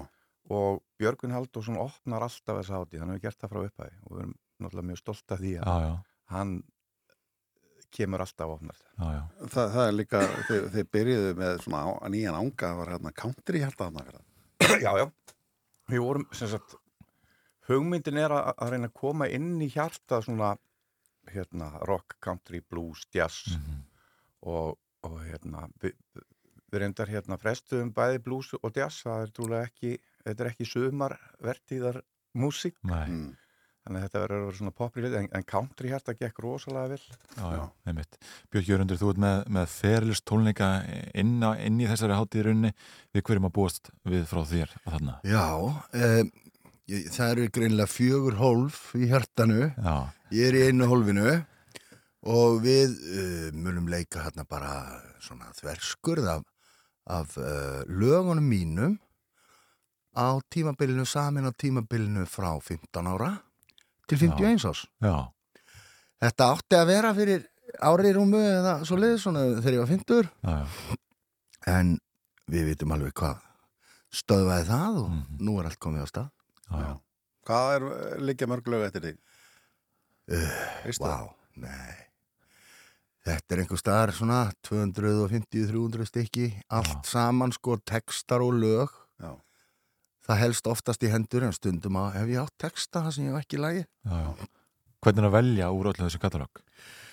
Um, ég reynir nú bara að, að koma með svona uh, lög sem að mér þykir væntum sem að hafa ekki verið spiluð kannski mikið á tónleikum eða svo leiðis í gegnum tíðina og sem að til er að kannski mér meira en, en hljónstinni en uh, svo verði ég að taka vinsalu lögin mér líka Mm. þannig að ég blanda eitthvað af þeim inn í Já. og uh, svo legg ég smá áherslu á plötu sem ég gerði uh, þegar ég var 23 fjara sem kom út 20, nei, 94 sem heitir BJF og er soloplata sem ég gerði og ég tek svona vænaslagt af henni líka Já, já. Eh, Það er eh, svolítið merkilegt ef maður eh, veltir í fyrir sér að fyrsta lagið þitt skuli enda að vera eitt af þeim stærstu. Ég kem meil aldrei framöru í svona flytja það lag sko. Mér finnst það alveg ótrúlegt líka Já, fram á nótt erum við að tala um. Já, talandum að byrja á topnum og hætta svo aldrei Já, hætta svo aldrei. Fram á nótt, það er, það er einmitt, það er fyrst svo, Já, já, já. Hjálpaði mér upp var, var lagið eftir því Já, þetta er bara í krónrískjur röð svona. Já, já, ég með þau tvö eru samin hérna 15-16 Já, já. Þetta er ótrúlegt. En ef við förum aðeins aftur, aftur til Hafnarfjörðar í, í hjarta Hafnarfjörðar eh, eh, sko það lítur að vera heilmikil dagskrá eh, í allan annan tíma Mhm. eh, hva, hverju er þú svona spenntastu fyrir? Uh, öllu Já. og bara að halda utan þetta vegna þess að við erum eiginlega með þetta er svona tvennskonar, annars vegar erum við inni uh, fimm tónleika á þessum þrejum vikum sem er þá Björgvin, Jónas Sigur á föstudaginn, svo er næstu viku Bríett og uh, Og. Björgvindur já. Já. og 21. júli er Vindis Karavan en svo erum við með risastórt útisvæði sem er sem sagt, opið fyrir gestina sem koma á tónleikana og líka þá sem ekki er á tónleikunum og þar eru við alltaf með dagskrá okkur í minnstu degi, opnum klukkan 5-6 svona eftir veðri og, og efnum ástæð og til dæmis um helgin og eftir Björgvinni þá, þá er hérna hinn haffiski júladisko Já, já. með okkur og á föstudaginn blásum við í alla lúðrana því að þá mæta stuðmenn Það mæta stuðmenn, já, Já, já. í öllu sinu veldi með allan hópin sko. Klanið. Já, þannig að þeir, við opnum sveðar klukkan 5 þá og það, við bara hvetjum fólk til þess að koma snemma því að það verður törróðið. Já, og er þetta svæði fyrir framann bæjabíu eða fyrir aftan? þetta er fyrir aftan. Þetta er fyrir aftan. Við vorum fyrir framann í tvö ár, Já. fórum svo þetta fyrir aftan, það er mikið skjólsætla. Já. Þannig að, og síðan reku hvað, hvað annað. Í næstu viku er á móti sól hjá okkur á föstaskvöldinu eftir bytni, papar er á laugadeginum Já. út í sveðinu, þannig að þetta er svona bara veistla. Já, já. það átt að segja það. Heldur betur. Björn, e, nýdönsk, þeir eru náttúrulega með tónleika í, í, í september, svo við komum aðeins inn á það. Já, já, það er árlegt Já. og heldur bara áfram. Ekki fínt að hafa eitthvað svona, eitthvað fastan punkt til að stefna. Jú, að hafa svona eitt fastan punkt í tilverunni. Já, einu Að spila einu svona ári í, í Eldborg. það er rosa gott, sko. Ég, ég reyndar að, ég, ég bý alltaf þessum íbúðinni. Það er svona, þetta eru tveir fasti punkt. Já. Já, ekki að breyta á miklu, það er sér. Nei, ég veit. Já, já, og hérna, það er það sem er framöndin hjá, hjá ykkur, er, er Hjá hljómsveitinni, já. Hljómsveitin fer alltaf yðurlega og hefur haft það sem fyrir síð, sko, síðan í gamla daga þegar við hættum fyrir þessi ballmenning datt svona upp fyrir. Já. Þá höfum við bara haft það þannig að við förum í sumafrí, sko. Já. Og hérna slökkum bara á hljómsveitinni á sumrin. Já. Það verið svona reglan. Ok. Um, og það er þannig þetta sumar líka. Já. En að því hún endir plötuna B.I.D. og Já. F sem að þú ætlar að taka svolítið lög af Já. á svona tónleikum, er, er önnur í smíðum eða hva- hvernig er staðan hjá þér? Já, já, það er alltaf önnur í smíðum en Já. það er ekki, það gengur ekki neitt. Það gengur ekki neitt. Nei. Það er enginn að reyka En- eftir. Nei, það er enginn að reyka eftir. Ég er svolítið svoleiðis náungi, sko. Það verður eiginlega að setja á mig dellan ef það er eitthvað að gerast, sko. En hérna, jú, jú, bara eins og hjá öllum, öllum músikundum. Það er alltaf næsta platta, er alltaf handað við hotnið. Svo svona, veggurinn mislangur fram að hotninu. Já. Þú ert alltaf að semja það ekki? Jú, jú. Já. En uh, maður, sko, maður dældi þess út þegar að maður var ungur, sko. Já. Þá hafði maður enga, enga svona, hérna, gaggrína sjálfsritskoðun. Maður var bara alltaf með þetta. Maður var alveg vissum að þetta væri málið. Er mikil reytskoðu núna? Já, svo eftir því sem árin færast yfir þá er maður alveg vissum að maður sé ekki með þetta. þetta sé ekki málið. Og, þannig að svona, svona breytist nú, hérna, sjálfsmatið með árunum. Já, nákvæmlega. Er, er, þetta byrja allt saman á morgunpæli uh, þannig séð og bara út í júli. Já, til við hættum Já. 28. júli og 15. fyrir þjóðatíð því að það hljóta allir að vera að fara svo þjóðatíð eigin. Já, það? Ég held það. Já, ok. það er allir, að- allavega allir að fara að gera einhvað um vestlum með. Já, nákvæmlega. Það er bara gaman að fá okkur, Páll Ejálsson og Björn Jörgundur Friðbjörnsson. Takk fyrir að koma til okkar. Takk hérlega. Nokkur svarið. Ég held að sé að vel við hæfi að spila bara fyrsta lagi sem Björnsi Sandi. Já. Er það ekki? Jú, jú. Þú, þú, það sjálta sem þú heyri það. Já, nákvæmlega, nákvæmlega.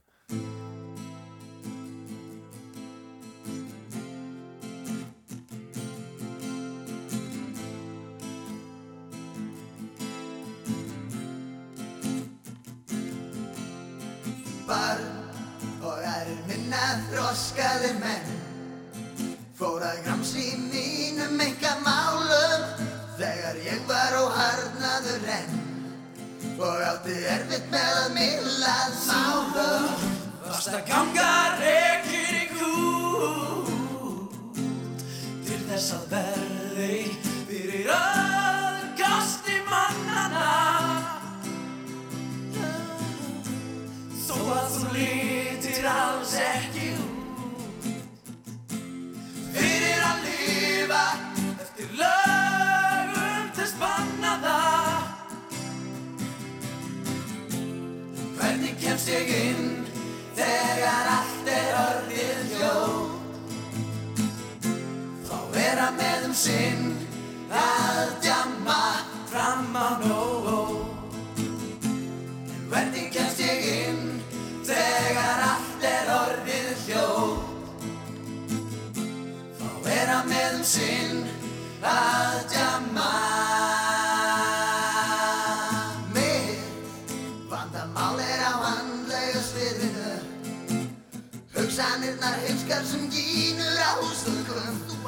að sjá í andlu til á leiðinu Er það sér úr þessu vandræði við sökum Varst að ganga rekin í kú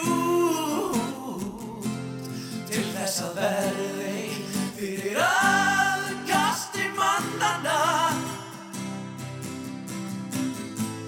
Þó að þú litir alls ekki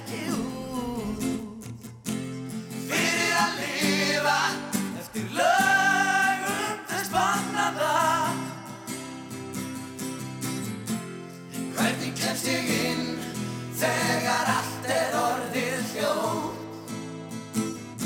Þá vera með um sinn að djamma fram á nóg En hvernig kemst ég inn þegar allt er orðið hljóð Þá vera með um sinn að djamma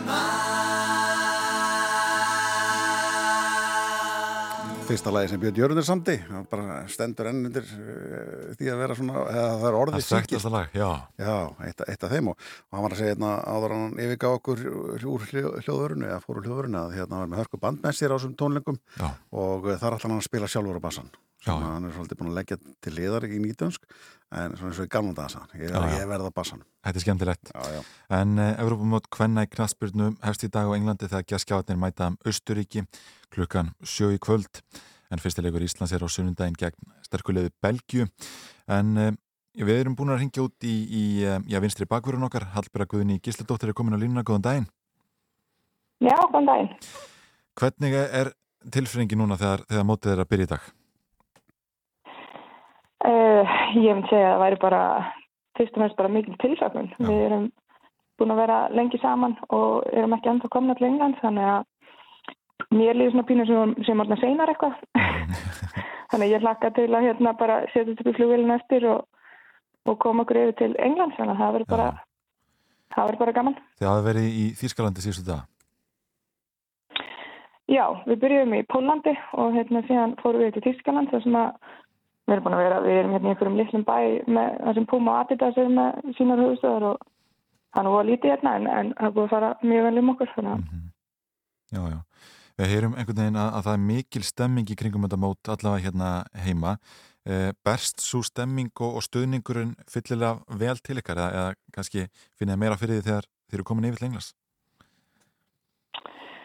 Uh, nei, ég held að það er allir svo vel tengdur í dag að maður, maður fylgist með öllu og hérna en svo fær maður kannski aðeins að slaka á símanum þegar maður kemur yfir til Englands og, og svona þarf maður kannski að fókusa meira bara á að vera í núnum en við vitum alveg af því að það verður góðu stuðningur og, og mikið af fólki sem er að fara að koma til Englands og bæði mun horfa þar og svo heima þannig að það er auðvitað bara frábært að finna fyrir því. Já. Já.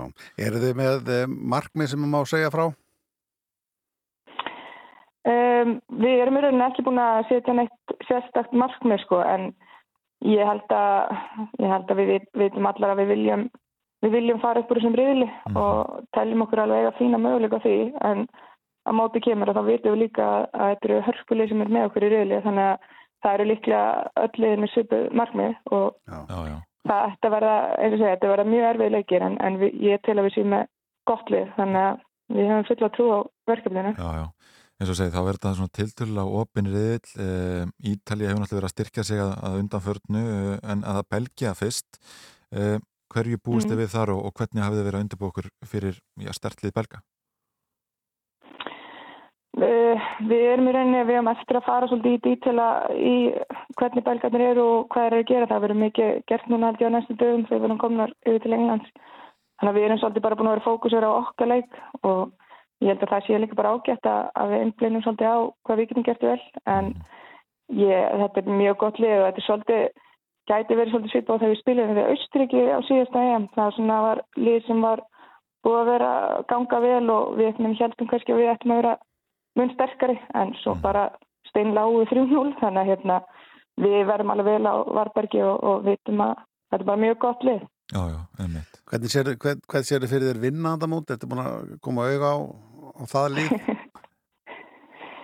Um, nei, mér finnst eitthvað svo skrítið að vera að spá öðrum sigurvera í móti sem að við erum að taka þátt í Já. þannig ég hef bara, bara segir ég hef veginn ekkert spáð í því sko. bara Ísland, við bara Farið alla leið. Nei, nei, en hérna maður fyrir að skoða það kannski þegar svona móti byrja þá þá fær maður betur að sjá hvernig þjóðurnar eru að koma Já, já. til leiks Hvernig er almennt staðan á, á mannskapnum? Eru, eru já, allir heilir og, og, og tilbúnir í þennan leik? Já, ég held að sé bara 7-13, ég held að sé allir heilir og bara í flottu standi. Maður náttúrulega, við lendum í síðast fyrir síðasta móti og þá mistu út mikla postaði liðinu, þannig að það voru svona ímis áfell sem að gengu á þá, þannig að núna ætla ég að vona að við náum að bara halda öllum heilum fram á mótið. Það verður náttúrulega bara frábært að geta farið inn í mótið með okkar sterkasta liði. Já, já. Hvernig er ferðaplanið í, í dag?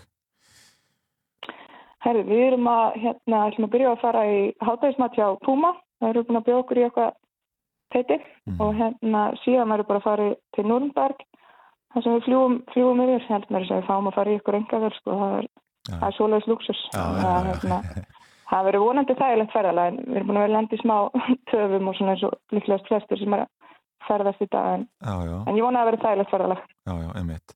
Er, er búið að stilla með einhverju, einhverju draumaliði og, og draumataktík? Þú ert náttúrulega, e, já, hefur verið, verið á, á kantinum og, og, og röð en hefur einhvað sem fæst aftur á, á völlinu eða ekki. E, er búið að, að ákveða með hvað taktík verður farið inn á þetta mót? Já, ég á vona því að ég verði framherji og hérna, nei, ég, ég steinu myndi, steinu myndi, hérna, drepa mig við fara, fara ykkur að takti hérna Já, í börnum held ég. Já, já, nei, nei, einmitt, einmitt. En þú, þú, þú sérðum að peppa hérna klefana ekki með, með tónlist.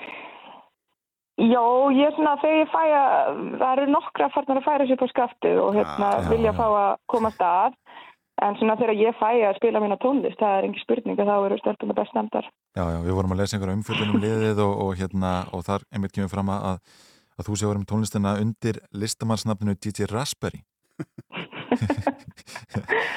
Já, þetta er, þetta er eitthvað nýttnið sem ég fekk. Já, tímann þú er langt ekki- ekki, hérna, ég, ég myndi segja að það væri DJ Crowdpleaser meira. Ég myndi vilja að það væri nafnum mitt. Ég næ, ég næ að hópna með mér, sko. Já, hver er leikillin að því að búa til góðan spilunarlista fyrir leik og, og, og hérna, já, til að bara gýra liðið upp? Maður verður náttúrulega fyrst og fremst að kynkja svolítið stoltinu og maður getur ekki bara að spila lög sem að maður sjálfur fílar. Þannig að það þarf að finna, að finna rétta blöndu. Við erum náttúrulega með unga leikmenn og það er svona svolítið, svolítið já, tónlistasviði þarna milli. já, já. Hvaða lag er það svona sem að alltaf er síðasta lag og, og peppar alla upp? Sko, við erum brosa mikið að vinna með stjórnina. Uh, ég lifi í voninni, til dæmis. Já, Þannig að það er svolítið lag sem að kveikir í klefanum. já, já, einmitt. Ungu, eh, yngstu stelpurnar eru ekki hérna að krefast þess að fá, fá rappið inn. Það er, það er á nú eitthvað reynd, en, en það verður þá að vera gamalt 90s rap ef, að ég var að fá að spila það. Eru Hallberga Guðni, takk hjalla fyrir að vera á línu og gangi ykkur sem allra best úti. Takk hjá Já, takk fyrir þetta og uh, þetta er bara frábært. Það er komið spenna í, í mannskipin. Já, já, já, já. Sveimir hún. Og ég ekki að setja stjóðin á. Ha, ég lifi í voninni. Þetta er stórgott. Stórgott.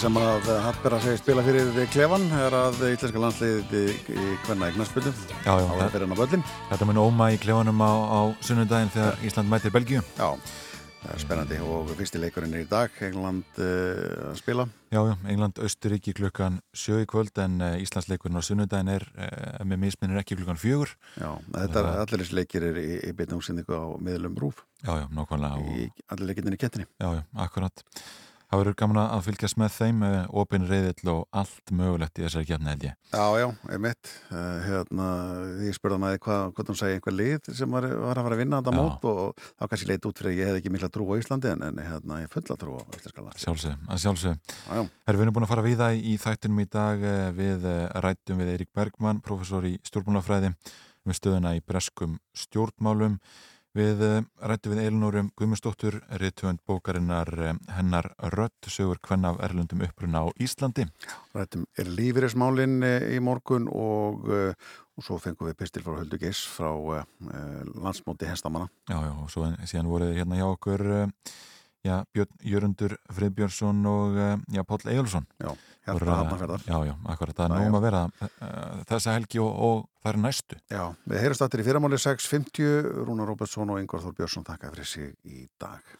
In a language learned when no one was listening I try my best to tell you how I feel Somehow I'm sure in this I believe in This is real From my heart I sing to you when I'm hoping That you'll